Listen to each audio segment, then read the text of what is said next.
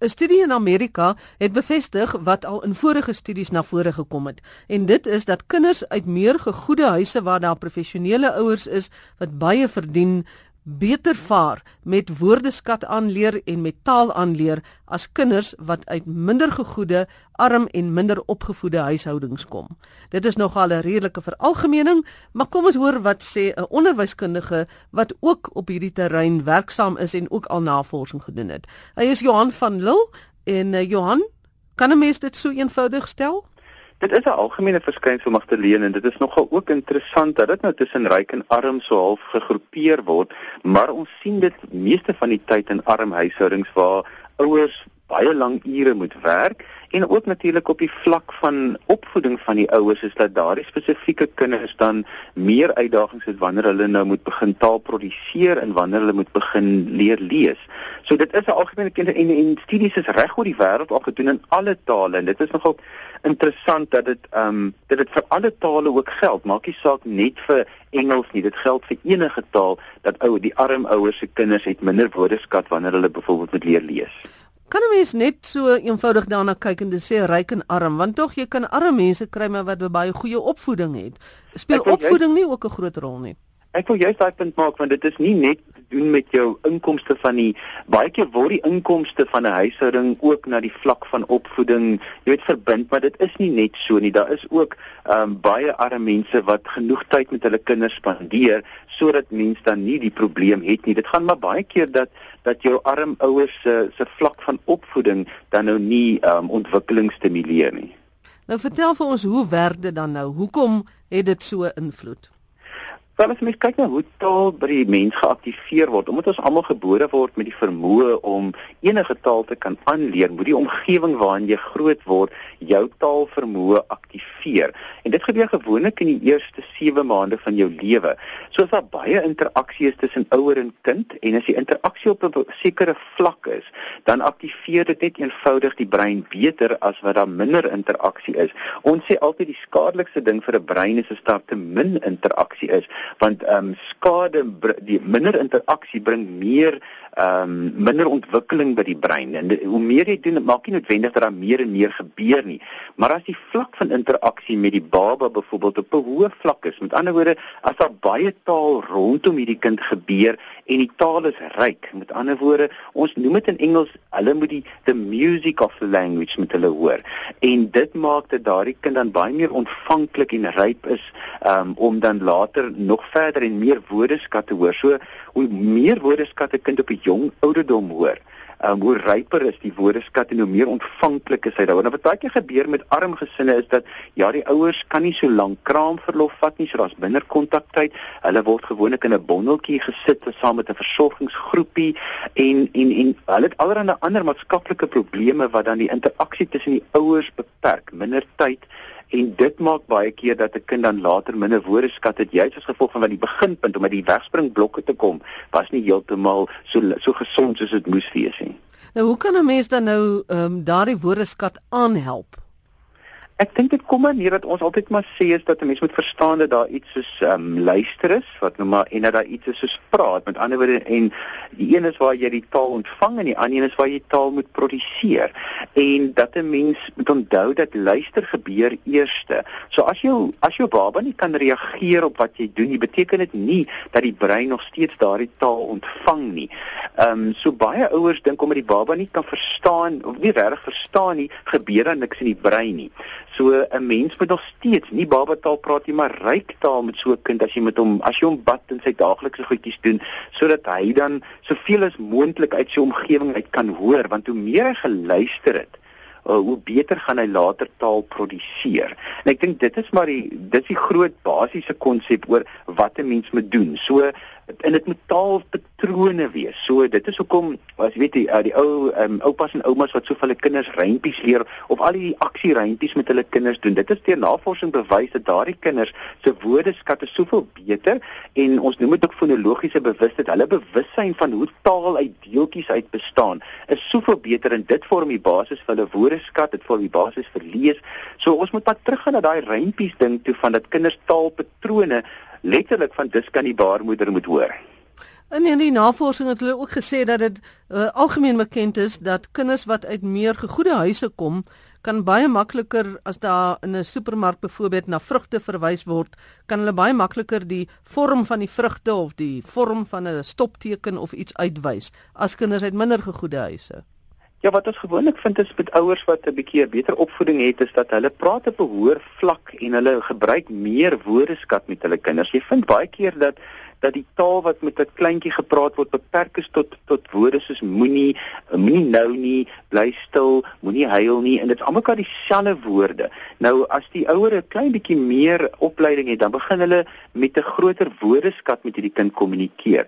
En as hulle dan winkel toe gaan, dan maak hulle van daardie uitstappe of voedkundige ervaring en begin meer goed vir die kind uitwys en tree in gesprek en en, en dit gaan ook oor die die vlakke van vrae. Baie jou jou jou laer inkomste groepe vra baie baie keer net die goed wat ooglopend is. Met ander woorde wat jy net kan sien voor jou, maar hulle vra nie dieper in of kyk jy na die vorm nie. Hulle let dit self nie eers op nie. So daai die kinders het dan 'n baie ehm um, laer gehalte van blootstelling as wat jy byvoorbeeld kry met iemand wat self net effens verstaan het van hoe kinderontwikkeling werk en dan vra vra en antwoorde verwag maar ook op verskillende vlakke die vrae vra. Maar sien nou maar daardie omgewing waar die kind kom, die die ouers se situasie verbeter en hulle val op 'n dag in die meer gegoede deel. Maar die kind is nou al seker 7, 8, 9 jaar oud. Gaan daar dan 'n verskil in die ding gemaak kan word of is dit nou maar uh, hard line soos die Engelse sê die grondslag is gelê? Dis nog altyd 'n interessante debat. Die oomblik praat ons met altyd dat die brein is baie vormbaar. Ons het altyd so gereken 20, 30 jaar terug dat daar gebeur goed net in sekere tye met kinders en as dit nie in daai tyd gebeur het nie, dan gebeur dit nooit weer verder nie. Navorsing het gewys dat dit eintlik andersom is. Die brein bly vormbaar verleer. So selfs as 'n mens 'n latere intervensie maak en jy begin dan groot hoeveelheid taalontwikkeling doen, kan daardie kind nog steeds daarbey baat die enigste ding wat so klein bietjie vir jou ehm um, terughou is is dat dit dan net 'n bietjie stadiger gebeur en dit is 'n bietjie moeiliker. Soos ek altyd sê, as dit goed op die regte tyd met 'n kind gebeur, dan sit jy as jy ontwikkeling soos om bult af te gaan en hy raak net al hoe vinniger en vinniger en vinniger.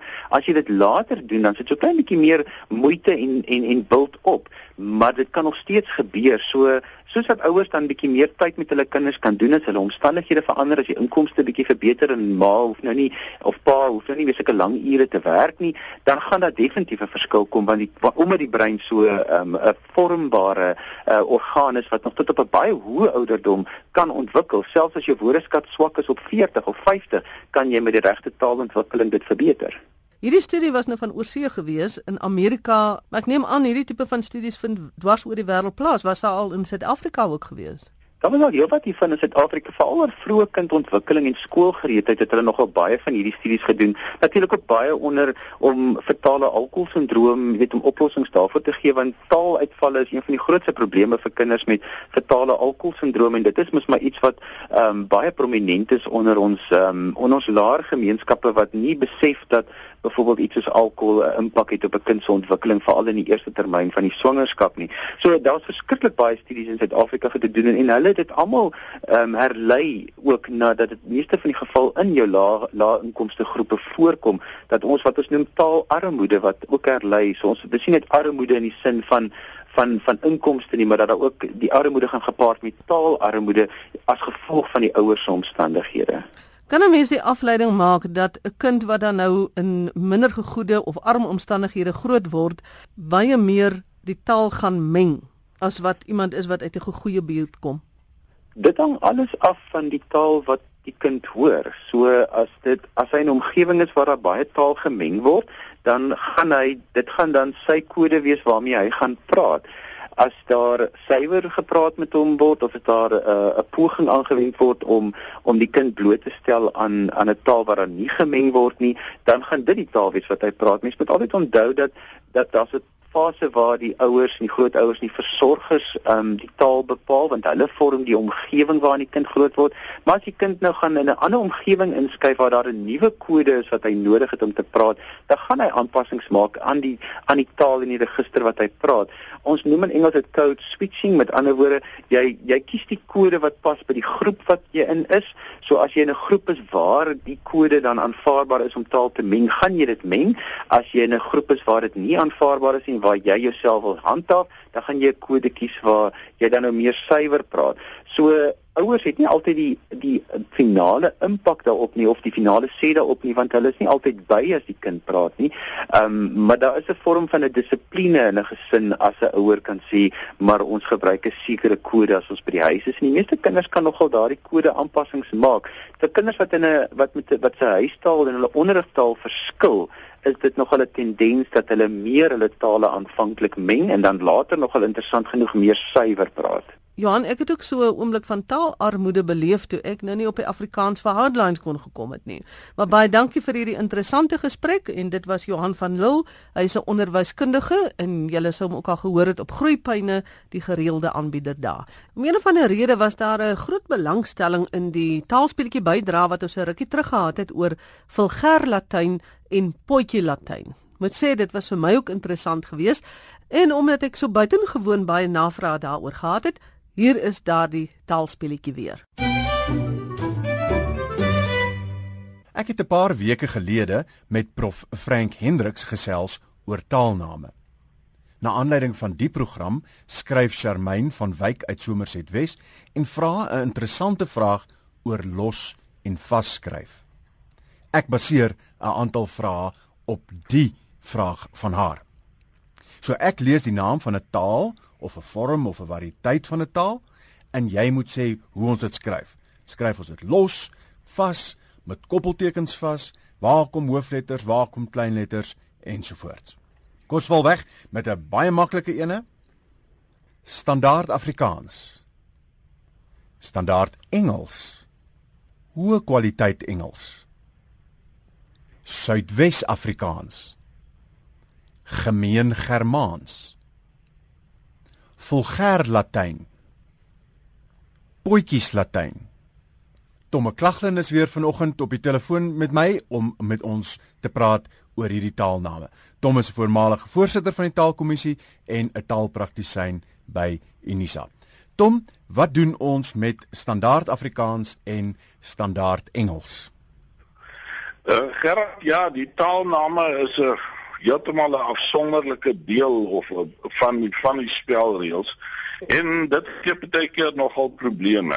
In die geval van standaard Afrikaans en standaard Engels geld die reël eenvoudig dat as 'n 'n taal 'n basiese taalbenaming soos Afrikaans of Engels bepaal word of nader omskryf word deur 'n selfstandige naamwoord, dan skryf jy dit goed vas aan mekaar.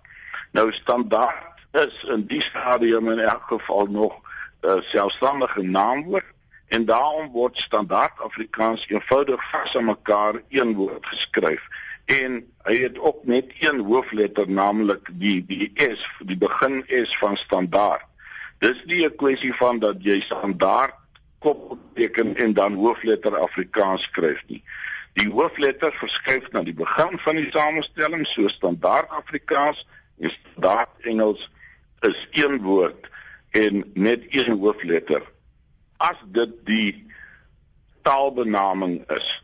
Maar nou sou 'n mens byvoorbeeld uh, kon sê dit is 'n uh, standaard Engelse manier van praat, jy weet of sê waar jy nie die taalbenaming bedoel benoem nie, maar waar jy eintlik maar net sê dit is gewone Engels, doodgewone Engels of doodgewone Afrikaans en dan sou 'n mens daar 'n koppelteken uh kon gebruik en jou basiese taalnaam soos Afrikaans of Engels na die koppelteken met die hoofletter skryf.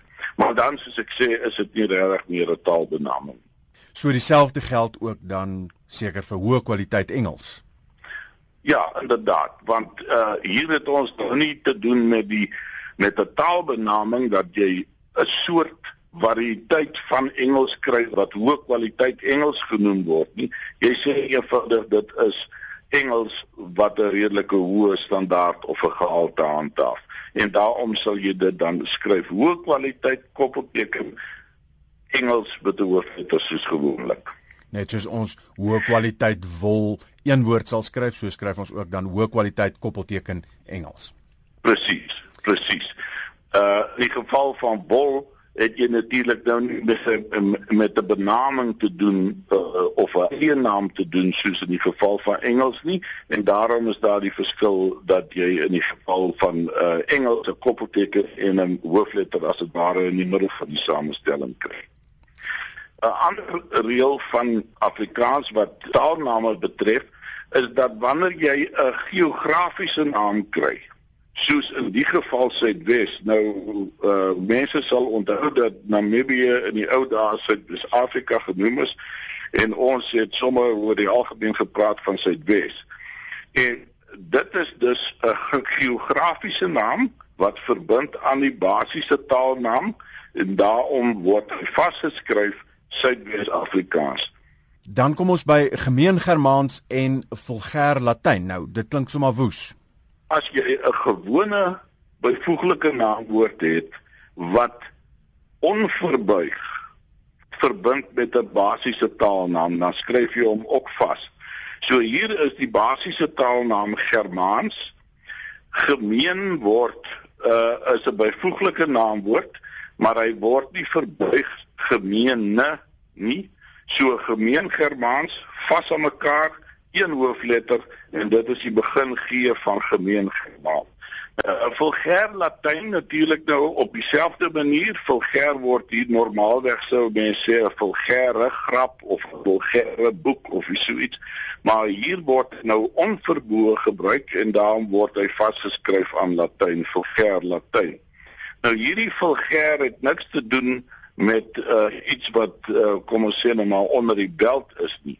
Dit beteken eenvoudig die taal wat volksspesifiek is, wat die, die lae volksklasse gepraat is. Dit is dus iets wat ons eh, kom ons sê net maar min of meer sou kon vergelyk met ons Afrikaans. Dis die gewone spreektaal van die van die gewone mense gewees. Ons ken daardie stam ook in iets soos soos die Vulgaat van uh, die weergawe van die Bybel wat veral in die Katolieke Kerk gebruik word omdat dit die algemene weergawe was. En in hierdie geval beteken vulgêr dus doodgewoon die algemene taal van die gewone mense destyds in die uh, in die klassieke tyd. Dom en dan sluit ons af met potjies Latyn. Ja, dis ook nog 'n interessante een. Letterlik beteken dit iets soos aptekers Latyn. Potjies Latyn is 'n nie 'n baie korrekte vorm van Latyn wat geskryf is op die potjies en flessies en botteltjies wat aptekers en kwaksalvers en so aan van ouds gebruik is. So hier het ons eintlik te doen met 'n gebruikersnaam wat gekoppel word aan die basiese taalnaam en potjie flatte word dus vasgeskryf ook net met een uh hoofletter naamlik die P van potjie. Tom, ek het sommer weer 'n klomp goed geleer vandag. Baie dankie. Ons praat graag 'n volgende keer verder.